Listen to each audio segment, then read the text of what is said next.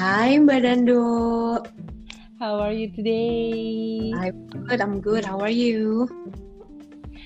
Gugup. Little bit nervous karena ini podcast pertama gue secara ini podcast pertama gue ya. Jadi seperti itulah. Agak sedikit nervous, nervous gimana gitu. Tapi ya udahlah. Yeah, Ngobrolnya sama lo ini, jadi gue agak-agak sedikit santai-santai aja sih. It is. So it's actually our very first podcast, right? And we name it Climate. Yes. Untuk kan maksimal. Kenapa tuh? Ide dari mana tuh? Jadi kita ber- kita berdua kan udah bersahabat 12 tahun ya. Selama 12 tahun itu ada banyak banget hal yang kita obrolin. Hal Iya, serius, banget sih. right? Hal-hal serius tentang relationship yang selalu dibumbui dengan celetukan. Nggak pernah serius.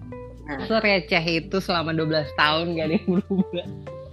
Gak pernah ngomong yang bener-bener deep, serius, sampai nangis gimana pasti ada yang Gak ada, gak ada. Emang emang gimana ya kalau gue ngobrol sama lo kayak ngerasa masih di era 12 tahun itu. Gila era, kayak tua banget ya.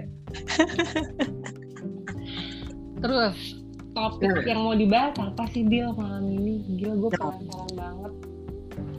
sebenarnya yang mau kita bahas di Hmm. episode pertama ini adalah memilih sendiri. Kenapa? Deh. Karena emang platform uh, podcast kita ini pengen ngobrolin uh, mature relationship, right? Tuh. Secara Kita udah mature. kita se- sebutin nggak nih umurnya nih? Um, um, ya, Hmm, adalah ya. Nah, memilih sendiri. hmm, Kayaknya kalau temanya memilih sendiri ini agak-agak curhat ya mbaknya. iya betul. Karena saya masih sendiri, sementara ibu udah berdua. Berdua, bertiga dong. Oh iya bener bertiga dengan Bertiga, bertiga dong sama udah ada ekor alhamdulillah satu Alhamdulillah. sama suami yang super duper ganteng Oh yes, tidak diragukan lagi. udah tidak dilakukan lagi. Jadi langsung aja nih aku pengen nanya nih, gue pengen Yap. nanya. Terus lo masih sendiri nih, lo Hmm. pribadi yang sering sering kita kan sering jalan nih, sering Hmm. jalan ketemu reunian lah ya reunian kalau misalnya lo lagi, datang ke Makassar gitu. Yap. Hal apa sih yang paling lo rasain ketika sebagian besar orang di sekitar lo tuh udah punya pasangan dan berkeluarga? gitu? Gimana sih perasaan lo? To be honest, kadang-kadang orang ngerasa "Eh, lu pasti dalam hati lo ini banget ya, iri banget kan, pengen berkeluarga. No, actually. Um, Oh, Pas di awal-awal, awal-awal 20 tahun gitu ya, Mm-mm. gue tuh ngerasa I'm free. Gue nggak ada beban, nggak ada tanggung jawab, nggak harus apa-apa dikit lapor ke pasangan entah itu pacar atau suami, terus nggak harus ngurusin anak dan segala macam. Tapi sekarang menjelang umur 30 tahun, jujur gue ada rasa insecure. Insecure-nya tuh pertama karena kayaknya enak ya, kayaknya seru ya. Pulang ke rumah ada yang sambut, ada temen ngobrol, ada temen curhat yang bisa jadi sandaran. yang bisa jadi bahu untuk disandarin. Iya. Tapi sebenarnya kadang yang bikin gue insecure itu pada saat teman-teman gue yang udah punya pasangan ataupun udah nikah ngumpul dan ngobrolin soal seluk beluk rumah tangga yang belum pernah gue alami. Jadi gue bingung gue mau komen apa kadang pengen nimbrung tapi mau nimbrung apa ya lo? kan? Misalkan nih kalian ngomongin soal uh, kehamilan, ngomongin soal vaksin, gue bingung coy, gue nggak tahu apa. Jadi cengok aja sendiri ya, pura- pura-pura he- pura-pura heboh aja gitu, pengen nggak ngerti pada ngomongin apa gitu. Iya kan, dan gue ngerasa kayak dikacangin gitu. Kayak kalian udah asik ngobrol sendiri, terus gue kayak, anjlit, gue ada di sini, woi. Nah, kalau lu udah tahu gitu loh, kalau lu udah tahu bakal jadi kayak gitu ceritanya ketika lo tetap single di usia sekarang, terus alasan lu milih buat tetap sendiri apa? Karena Lo harus jawab jujur nih. Ini mewakili ja- apa pertanyaan gue segeng nih. kita segeng ada bertujuh ya, dan Ya ada betul lima di antaranya udah married. Tinggal berdua tuh sama si Dani tuh. Nah sebenarnya yang membuat gue masih betah melajang itu karena gue itu punya skala prioritas yang lain selain punya pasangan. Gue kadang-kadang ke distract sama pekerjaan to be honest. Jadi pekerjaan itu masih ada di top priority gue gimana gue bisa survive nih nabung segala macam terus kadang-kadang ada deadline yang harus dikerjain. Jadi gue tuh nggak ada waktu untuk uh, mikirin punya cowok misalkan atau mikirin hal-hal yang serius seperti berpasangan. Nah terus yang kedua gue udah merasa nyaman dengan hidup sendiri gitu. Nggak ada yang ngerecokin. Terus habis itu nggak ada beban mental aja buat kadang-kadang gini loh punya pasangan kan hmm, kadang-kadang hmm. capek capeknya itu harus nge-adjust waktu gue dengan waktu pasangan harus bisa menerima sifat-sifatnya dia yang mungkin nggak sesuai benar jadi sekali action sih itu yang bikin gue mostly bertahan pelajar gitu. tapi bukannya itu egois gak sih kayak misalnya lo mikir kayak gitu berarti lo nggak pengen ada tanggung jawab lain di luar badan lo dong selain keluarga lo nih ya. Hmm. Hmm. poin gue gimana tuh? Kalau misalnya lu dapat komentar kayak gitu berarti lu orangnya egois dong dia berarti lu nggak pengen berbagi tanggung jawab dengan seseorang gitu loh. Lu nggak pengen punya prioritas lain selain selain diri lu sendiri. Kalau misalnya lu bilang prioritas kerjaan kan beda bu ya. Yep. kerjaan kan lu kerja buat menuin finance lu gitu beda dong persoalan uh. dengan tanggung jawab ke orang lain tuh kan beda tuh. Nah gimana tuh dia lu nyikapin orang yang misalnya datang tiba-tiba nyelonong komennya begitu aja. Kalau gue gue cuekin aja. Nah gue tuh tipikal orang yang lo ngomong apa ya masuk telinga kanan keluar telinga kiri aja. Yang penting gue nyaman aja dengan agak-agak batu ya. Karena gue tuh orangnya kayak gitu dan. Lo tau lah gue sebenarnya orangnya sensitif gitu maksudnya kadang-kadang perkataan kayak gitu nyelekit dan bikin gue kayak sakit hati gitu sebenarnya ya kayak misalkan nih punya teman lama yang udah lama gak ketemu pertanyaan pertamanya udah nikah belum? Kayak seolah-olah itu tuh prioritas paling penting dalam hidup adalah untuk menikah dan iya cucu. Dan faktanya nggak semua orang punya pemikiran atau pemahaman yang sama untuk uh, menikah dan punya anak gitu bener bener ada ada orang yang emang memilih sendiri karena ya udahlah gue emang pengen sendiri gue ngerasa mampu sama diri gue sendiri gue udah ngerasa aman nyaman sama diri gue sendiri finance gue nggak bergantung sama orang kalau kalau persoalannya cuma persoalan seks life ya itu tadi gue finance-nya udah ada gue bisa nge-hire tenaga profesional kalau persoalan nge-pleasure diri sendiri kan sekarang jalannya udah banyak banget ya Hmm, betul. Makanya gue bu bukan termasuk orang yang bakal ngejar seseorang yang masih sendiri. Gue bakal kan ada tuh omongan yang kayak ada ah, masih sendiri tuh nggak laku. Paling sebel, paling kesel banget nih yang udah sering banget lah kedengeran di mana-mana perawan tua gitu. Kayak ih paling gak enak banget. Dan gak semua orang kayak perempuan. Nah, betul Gak semua orang tuh kayak lo dan di satu sisi berat ya uh, menjadi single karena ada beban ekspektasi. Di sisi lain, I'm single by choice. Gue memilih melajang ya karena pilihan gue pribadi gitu. Uh, bukan karena gue nggak laku ya maksudnya yang deket juga ada gitu dan cuman gue tuh makin ke sini makin selektif dan emang belum benar-benar ketemu orang yang klik banget uh, secara person secara mentally. Jadi ya gue bener-bener selektif sih. Mungkin kalau gue 10 tahun yang lalu ya you know lah gue gonta-ganti pacar kan. Kayak ya udah deh yang penting dia nyambung good looking baik udah gitu. Tapi sekarang tuh gue lebih hati-hati ada apanya gitu ya? Yeah. karena mungkin ada pengalaman masa lalu yang gak menyenangkan juga ya yang bikin gue nah itu bisa jadi tuh. Bisa jadi. Kalau kalau persoalannya traumatik akan sesuatu itu bener-bener ini sih. Karena ada temen aku nih punya pengalaman uh, apa aku nanya sama temen aku yang masih sendiri gitu. Gue tanya kayak masih sendiri? Di usia lo yang ya udah tergolong seharusnya punya keluarga ya.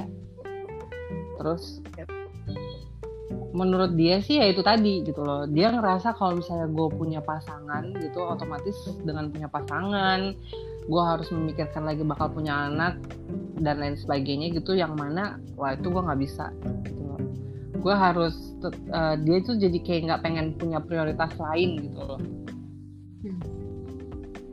Iya sih bisa dipahami karena ya itu tadi uh, skala prioritas tiap orang kan beda-beda. Ada yang nggak ngelihat pernikahan itu sebagai sebuah kebutuhan, bahkan ada yang nggak ngelihat dirinya tuh punya anak ya nggak sih? Gue nggak mau punya anak, gue oke okay dah nikah, tapi kayaknya gue nggak merasa anak adalah pilihan gitu. Hmm, gitu. Gimana ya? Kayak gue beberapa tahun yang lalu sempat tuh melihat bahwa apa sih pernikahan itu cuman secari kertas sebuah buku nikah. Wih. Tapi kadang-kadang gue juga mikir ah gila lu selfish juga ya. Ya cuman itulah uh, eh, gue yang dulu sama gue yang sekarang totally beda. Uh, dulu gue nggak ngelihat pernikahan sebagai suatu hal yang penting tapi sekarang sih gue udah ngelihat oke okay, gue mungkin bisa menikah cuman gue memang harus selektif aja sih dalam memilih uh, pasangan gitu aja sih. Ada juga ada juga teman gue yang masih memilih sendiri tuh karena emang bener-bener akhirnya tujuan hidupnya udah beda deal hmm. dia dia udah memprioritas yang jadi prioritas dia sekarang itu adalah berbagi ke orang lain gitu. Jadi sekarang dia tuh jadi lebih sibuk untuk ngurusin kegiatan-kegiatan sosial gitu. Akhirnya karena tapi dia nggak nggak ngejebutin bahwa hal tersebut kegiatan sosialnya itu adalah uh, jalan dia untuk ngedistract pikiran dia untuk punya pasangan enggak. Tapi emang ya udah mendedikasikan dirinya untuk kegiatan sosial itu gitu loh. Oh, that's totally nice. Ya, ada yang seperti itu gitu loh. Makanya kadang suka kesel aja gitu sama orang-orang yang menganggap orang yang sendiri itu ya dengan bahasa-bahasa yang aku bilang tadi gitu. Iya benar sih. Kadang kan, hmm. ah kenapa deal? Kenapa deal? Gila gue baca banget kan... ya. That's so typical of you. Um, so kadang-kadang kan orang memilih berpasangan itu untuk menyalurkan emosi kan? Tapi ada banyak bentuk untuk nyalurin emosi kan? Dan bisa jadi dengan kayak teman lo tadi lebih banyak melakukan aktivitas sosial karena dia merasa bisa disupport secara emosional atau bisa menyalurkan energinya ke bentuk yang lain. Di satu sisi itu menurut gue adalah cara yang bagus ya bukan berarti orang itu mendistract dirinya gitu biar nggak fokus nyari pasangan. Tapi bisa jadi itu adalah bentuk penghargaan dia ke dirinya sendiri bahwa gue walaupun sendiri nggak hanya berguna untuk diri gue sendiri tapi bisa bermanfaat buat orang lain ya nggak? Iya bener banget sih.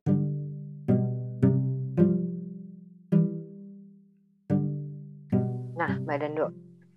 Mm. Um, apa sih udah berubah dari lo semenjak udah menikah? Banyak sih. Yang paling basic adalah dari awal gue nikah ya. Paling basicnya yep. tuh yang paling basic tuh gue pas gue bangun tidur udah ada orang lain coy di samping gue oh. Udah ada orang yang bisa gue sebut suami gitu. Tiap pagi gue balik badan udah ada suami gue tuh udah paling basic. Yang kedua adalah rasa tanggung jawab yang lebih ada. Terlepas waktu gue belum pun itu udah ada dari awal gue nikah gitu. Tanggung jawabnya tuh kayak berupa uh, gimana gue bisa memenuhi apa kewajiban gue sebagai istri gitu. Agar suami gue haknya terpenuhi itu udah pasti. Hmm. dan yang paling berasa sih ya jelas lah kayak gue dapat finance support juga persoalan sex life-nya juga jadi lebih kayak gimana gitu ya. Udah suruh hmm. sama suami nih. Udah ada tanduknya ya. Tanduk iya gitu. Dan yang yang paling berasa lagi setelah punya anak itu tadi gitu. Jadi kayak ada sesuatu yang lebih lebih indah gitu loh. Ternyata dari pernikahan itu banyak banget banyak banget keindahan-keindahan yang ditemui daripada waktu no offense nih ya. Daripada daripada waktu aku single gitu loh. Waktu gue single sih gue juga tetap happy. Cuman setelah nikah tuh kayak kayak gue jadi lebih bisa berbagi gitu loh dengan orang yang gue sebut suami itu tadi. Gue punya seseorang yang bisa gue tumpahin seluruh rasa sayang gue yang gue bilang anak itu tadi. Kayak gitu. Itu sih yang paling mendasar. So cute. Nah dan kan beberapa teman gue yang udah nikah nih ngomong ke gue nikah tuh enak deal tapi kadang-kadang gue tuh suka jealous sama dia karena dia punya lebih banyak waktu sendiri tanpa harus Iya. anak dan suami atau istri. Kalau lo sendiri gimana? Pernah nggak sih ada rasa kayak Pastilah. Gila kayaknya sering banget deh gue bilang sama lo pribadi dia kayak sama lo pribadi aja nggak usah jauh-jauh deh sama teman gue lain yang lajang lo deh nih, abad gue nih. Lihat lu kadang traveling bisa ke mana aja gitu, bisa bergaul ke mana aja gitu. Bukan berarti gue dilarang bergaul sama suami gue. Alhamdulillah gue dapet suami yang bener-bener open minded banget gitu loh kayak gue boleh bergaul ke mana aja cuman kalau persoalan travelingnya gitu loh lo yang tetap punya me time yang kayaknya banyak banget itu gue jealous banget parah sih kadang kadang gue ngerasa butuh me time tapi ya gimana dong gue mesti sadar diri sama sama uh, kehidupan baru gue sebagai ibu sebagai istri gitu loh. Dan emang itu yang paling mendasar yang berubah juga sih itu persoalan me time dan prioritasnya tuh udah berubah gitu. Kalau jealous sudah pasti deal gitu. Udah pasti. Lo jealous sama orang yang udah nikah kita juga yang udah nikah nih berkeluarga. Kadang udah jealous sama orang-orang yang masih single di usia-usia sekarang. Kadang kadang gue ngerasa nih kayak uh, pengen main lagi pengen lebih lama bisa di luar rumah gitu loh pengen ke sana ke sini gitu loh tanpa mikirin aduh ntar anak gue kayak gimana ntar laki gue kayak gimana gitu. Ada beban moralnya juga sih kayak ntar kalau gue keluar di atas jam segini gitu kasihan suami gue nanti diomongin orang kayak gitu gitu tuh ada loh deal makanya ya seperti itulah. Hmm.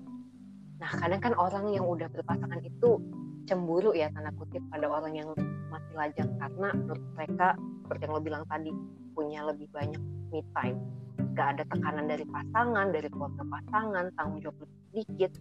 Padahal menurut gue pribadi ya stereotype hmm. itu tuh sering kali nggak relevan. Kadang tuh orang yang single punya beban untuk mensupport keluarganya secara financially ya, secara moral karena mereka tuh dianggap nggak punya beban untuk membiayai pasangan dan anak. Jadi kadang orang ngerasa ya udah karena lo single ya udah biayain adik lo sekolah. Ya udah bantuin uh, mama papa buat renov rumah dan segala macem gitu. Padahal jadinya waktu buat nyenengin diri sendiri dan duit buat nyenengin sendiri juga jadi kepake buat keluarga. Gitu ya? Iya sih. ya. iya sih. Jadi siapa Aduh. bilang single tuh nggak punya beban ada lah ya. Ya tetap aja sih mau sih ngomong enggak sih sebenarnya pasti punya bebannya masing-masing gitu. Cuman cuman enaknya nih Dil. Yep. gue tanya nih sama enaknya lo masih single itu apa deh? Bagi-bagi deh. Energi gue buat gue aja egois ya Bo. Ada suara-suara egois di dalam jawaban itu ya. Ada unsur-unsur keegoisan gitu. Energi lu buat diri sendiri. Egois. Enaknya single. Nah. ngerti mbak. Jadi gue itu orangnya emang dari dulu lo tau gue seneng sendiri gue seneng kelayapan sendiri. Suka ngilang aja Nah, kadang tuh gue butuh waktu kayak gitu tuh gak diganggu sama orang, gak harus mikirin orang lain dan gak harus ngasih beban orang lain buat mikirin gue. Gue bisa ngilang gitu aja, nggak kontak siapa pun dan gue nggak merasa bertanggung jawab untuk kasih tahu ke siapa pun. Memang egois, but that's just me being myself. Terus gue ya karena gini loh dan energi gue tuh gampang banget habis kalau gue ngasih banyak perhatian ke orang gue tahu banget. Oh iya? Ya karena gue sadar itu makanya gue nyaman-nyaman aja uh, being single. Sounds selfish but that's how it truly works for me. Buat orang single yang lain benefit dari single itu mungkin banyak. Pertama bisa jadi nabung juga lebih banyak kan karena duit nggak mm -hmm. keluar gue nggak harus uh, nge-adjust banyak hal dengan orang lain. Terus yang ketiga ya bisa jadi emang dia nggak pengen aja ada orang lain yang ngerecok hidupnya well it's way too complicated but that's just how being single is. Ya, tapi kalau misalnya ada yang komen kayak gini nih, ya kalau cuma perkara lo jadi bisa lebih save money dengan lo tetap sendiri. Kan lo bisa, lo kan lu kan menang nih dengan kondisi lo yang gendernya kebetulan perempuan. Lo kan bisa menang banyak tuh sebenarnya kalau lo nyari orang yang lebih berduit gitu yang bisa Hmm. ngebantu lo untuk eh, nge-backup persoalan finance lo. Gimana tuh? Kalau ada yang komen kayak gitu ada yang nyinyir ah lu mah nyari-nyari alasan aja biar bisa sendiri. Kan kalau misalnya perkalian cuman buat na- eh, apa save money doang kan lu bisa nyari orang yang ada duitnya secara lu perempuan gitu gimana dong tuh Kalau ada orang yang confront gue dengan pertanyaan itu, gue jawab aja. Gue tuh lagi TBK, tidak butuh komitmen. Mau apa lo? Wih, Widih, TBK ya bos. Ayo, Ya tidak Allah, butuh baru tau komitmen. lagi istilah itu Kan gitu. ada orang yang BU Tapi kan butuh semua orang uang. BU. Iya, Eh, semua oke. orang kan BU gitu, butuh uang. Iya, semua orang emang Dan BU butuh BKC. uang. Dan BKC. Butuh kasih sayang. Gimana dong? Ih, gimana dong? Lu jawabnya gimana tuh? Iya, Karena bukannya punya pasangan itu menyenangkan ya? gue tahu. Pasti ada deh. kayak- Nggak, emang nggak ada tuh di pikiran lu kayak gue pengen bisa berbagi dengan orang lain gitu loh. Gue pengen bisa menghabiskan sisa hidup dengan orang lain gitu. Hmm. Dengan pasangan terutama. Gue sebenarnya udah di tahap BKC ya, butuh kasih sayang emang. Cuman gue sekarang lagi practicing self love dan mungkin sounded naif, terdengar klise dan naif. Iya. gue ngerasa supaya gue bisa mengattract energi orang untuk sayang sama gue untuk care sama gue gue harus mencintai diri gue dulu dan care sama diri gue dulu baru gue bisa open buat gitu karena gimana gue bisa memberi kasih sayang memberi cinta sama orang lain kalau sama diri gue sendiri gue tuh lupa nggak cinta dulu gitu. Konyol mungkin buat lo ya atau buat orang lain tapi that's just how I Iya perceive relationship gitu. Konyol tapi kadang-kadang nggak semua hal juga butuh penjelasan ke orang-orang. Kadang kita cuma ngerasain aja oh iya ya gue sama orang gimana orang lain sama gue kalau sama diri gue sendiri aja gue masih bangun siang makannya nggak sehat jarang skincarean nggak nge-treat gue dengan baik gitu. Konyol sih tapi. Iya. Sih. Tapi, dan soal BU butuh uang ya. Mm. gue tuh belajar untuk bertanggung jawab ke diri gue dan keluarga gue dulu. Gue ngerasa kayak ya deh gue mau coba untuk survive sendiri gue pengen tahu gimana sih rasanya susahnya survive sendiri. Dan emang itu susah banget dan. Terus gimana gue bisa mensupport keluarga gue walaupun gak banyak tapi setidaknya alangkah menyenangkannya kalau keluarga gue bisa nerima sesuatu dari gue gitu aja sih. Uh, dan sekarang gue juga udah mulai mencoba untuk nabung. Siapa tahu ada orang yang serius sama gue dan pengen nikah sama gue ya gue juga pengen nabung pengen berkontribusi. Amin. Amin. Ini amin paling serius nih. Amin ya Allah. Sangat didoakan, sangat didoakan banget semoga. Jadi kesimpulannya, Hmm. kesimpulannya menjadi hmm, Hmm, tidak kesimpulannya, enaknya tadi kan udah ada tuh senangnya jadi single. Tidak enaknya menjadi single gitu secara singkat Dil. tidak enaknya menjadi single adalah rasa Ini harus berdasarkan pengalaman pribadi ya. kadang gue gini seperti gue bilang kadang gue pengen sampai rumah buka pintu ada yang nyambut gue keinginan gue yang paling besar sekarang. Gue tuh ngerasa oke gue sebenarnya sendiri tapi I'm not alone. Cuman at some point kadang-kadang gue tuh ngerasa apalagi sekarang ya pas COVID-19 kan banyak Mm-mm. banget waktu yang dia bisa di rumah. Kadang tuh gue ngerasa kayak jadi orang bego aja gitu. Ngomong Hire asisten rumah tangga aja Dil gitu. nggak bisa diajak ke tempat tidur bu bukain pintu doang hire asisten rumah tangga bisa dia gue mau deh gajinya berapa deh? Timbang Tapi buka pintu doang malu repot. Tapi tuh nggak bisa ngasih gue financial support yang ada jadinya gue Oh, iya ngeluarin duit iya kan? Nggak bisa gue bawa ke tempat tidur juga Wih. nah no iya. Ya Allah untung disinggung tuh tempat tidur tuh. Tempat tidur tuh emang harus disinggung. Tadi gue sempet pengen nanya gitu cuman lupa gitu. Ke distract gitu loh sama senengnya lo sebagai seorang single gitu. Nah di usia lo yang tergolong mature ini Mhm. emang nggak ada gitu dia kayak hasrat tentang gue butuh sentuhan nih gue butuh apa nih? Oke okay lah oke okay lah. Oke okay lah finance lo udah oke okay, lo bisa nge-hire tenaga profesional mungkin atau apa pun atau dengan cara apa pun untuk nge-pleasure diri sendiri ya udah udah banyak banget jalan. Cuman kan yang namanya sentuhan dari manusia dengan dengan perasaan yang sama gitu saling sayang yang sentuhan dengan cinta dan kasih sayang itu kan beda ya Bo sama sentuhan yang disewa-sewa gitu Oh nggak ada kepikiran gitu gue penasaran banget deh Oh my god, gue obrolannya tuh... jadi semakin dewasa ya. Hey, pastinya. Jadi gue tuh sebenarnya pengen lah, pengen banget bisa nyentuh orang dan disentuh gitu. Cuman untungnya self control gue tuh bagus, jadi gue nggak jajan-jajan. Alhamdulillah ya. Sejauh Cuman ini tetap hasrat, dong.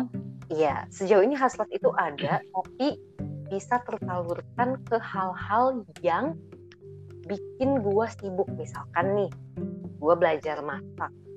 Gue sendiri hmm. tapi ya udah deh gue belajar masak. Terus ya udah gue makan sendiri atau gue bawain ke teman kantor. Sama mereka hmm. nyobain itu atau gue sepedaan nih selama hmm. covid ini. Jadi energi gue lebih banyak kebakar di atas sepeda dibanding di atas ranjang yang mana sangat jauh berbeda tingkat ke ke kesenangannya gitu lah Hmm, yoi. Terus ya udah, gue mencoba untuk belajar main ukulele misalkan tuh. Terus emosional ya. support lu dari mana dong? Dari teman-teman, dari lu. Yang selalu standby 24 jam mendengarkan keluh kesah gue. Dan itu lu sejauh ini lu ngerasa itu cukup deh. Ini ini harus jawab dengan sejujur-jujurnya. Ya merasa itu udah cukup gitu loh. Uh, emos emotional support itu cuma dari gue dari keluarga lu mungkin. Lu udah ngerasa itu udah cukup gitu loh. Well it's not enough actually. Nah kan?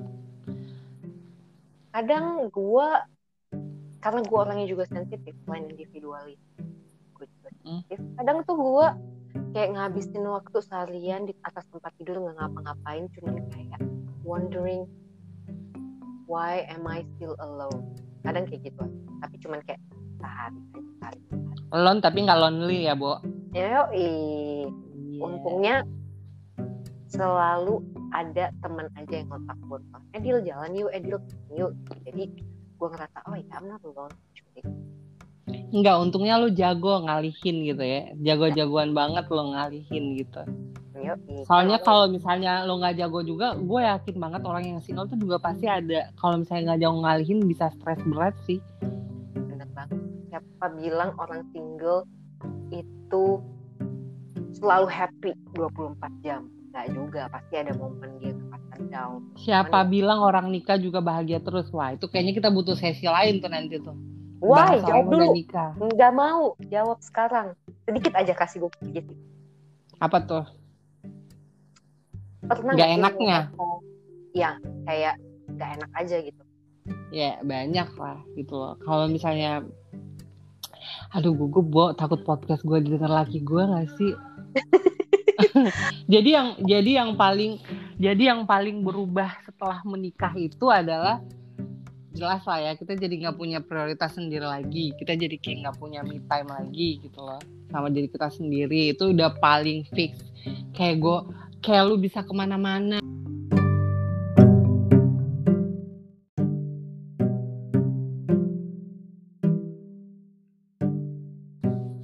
Terus kayak kebahagiaan pribadi tuh sekarang udah bukan prioritas gitu. Jadi nggak ada ruang privacy lagi. Dulu kan kayak kita mau ngapain aja, kita punya privacy kita sendiri.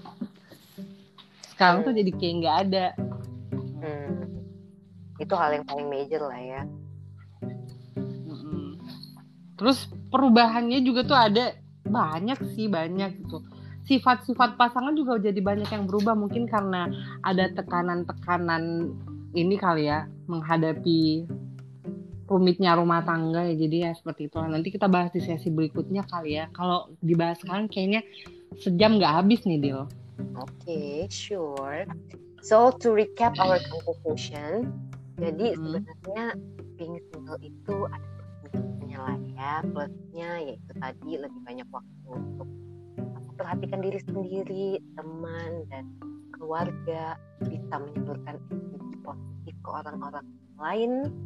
Terus ya kita punya banyak tabungan buat diri sendiri dan keluarga juga punya lebih banyak waktu untuk mengenali diri sendiri dulu.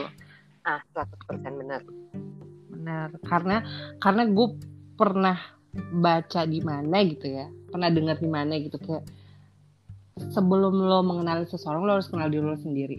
Sebelum lo ngebahagiain seseorang lo harus bisa ngebahagiain diri lo sendiri karena kalau lo sibuk memprioritaskan orang lain sebelum diri lo sendiri tuh kayak sama kayak lo ngasih cek kosong ke orang hmm. lo nggak ada duit tapi lo ngasih cek kosong. Lo kan kalau mau ngasih orang duit harus ada duitnya dulu. Kalau nggak ada ya nggak nggak bisa dong.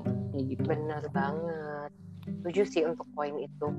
Aku juga inget salah satu quotes dari RuPaul. If you cannot love yourself how the hell you gonna love somebody Exactly. Right? Jadi sebelum mencintai orang lain, cintailah dirimu sendiri. Cintai dirimu.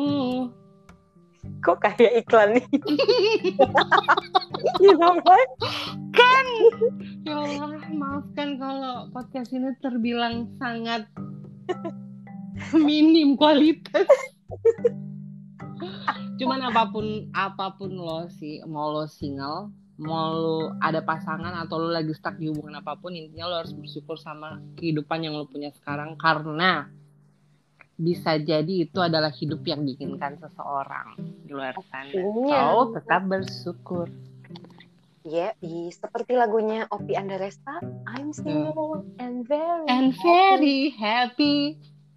I'm married and very happy juga jadi very happy mau single mau married mau divorce mau apalah itu yang jelas selama lu menikmatinya dan lu yeah. happy ya ya udah jalanin aja ya nanti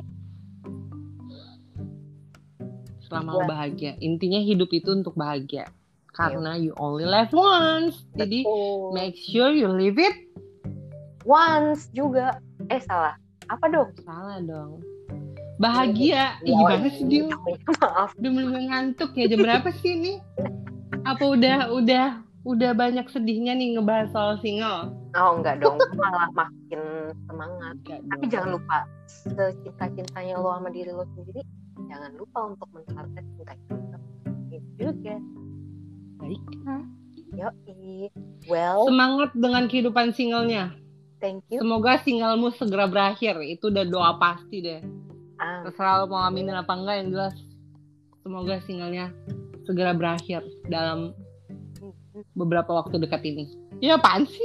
You, thank you so much buat doanya. Well, kita udah ngomong ngalor ngidul sana sini. Semoga yang kita bicarakan ini bermanfaat untuk kita dan orang lain. Amin. Semoga ini bermanfaat untuk banyak orang ya. Dan makasih. Semoga banyak. tidak membosankan. Semoga vokal kami ini vokal-vokal yang bisa diterima.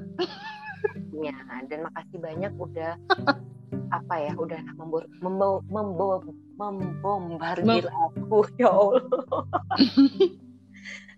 makasih udah membombardir aku dengan soal karena nggak semua orang itu menurut aku ya berani untuk nanyain hal kayak tadi ke orang single takut tersinggung dan terima kasih juga sudah menjawab dengan penuh kejujuran. Sama-sama. Jadi well yang pastinya ini bukan podcast pertama dan satu-satunya aja karena kita enggak dong. gila ini ya. jadi semakin banyak yang pengen gue bahas setelah ini. Banyak banget gitu loh. Termasuk tentang suka duka menikah gitu loh dan lain sebagainya pokoknya yang berbau-berbau mature gitu kayaknya emang seru dibahas sama usia-usia kita nih. Dari tadi usia mulu pengen banget ketahuan tuanya ya. Ya Allah baru juga 18 coy. Oh my god. 18 amin. Ya udah ya. thank you banget mbak udah menyediakan waktu malam ini. Well let's talk di kesempatan yang lain. Dan yang ngedengerin semoga nggak bosan dengan kedua karena kedua mungkin dengan tema lain soal mature really ya. Oke. Okay. oke. Okay. terima kasih. Terima kasih Dando. terima kasih dunia.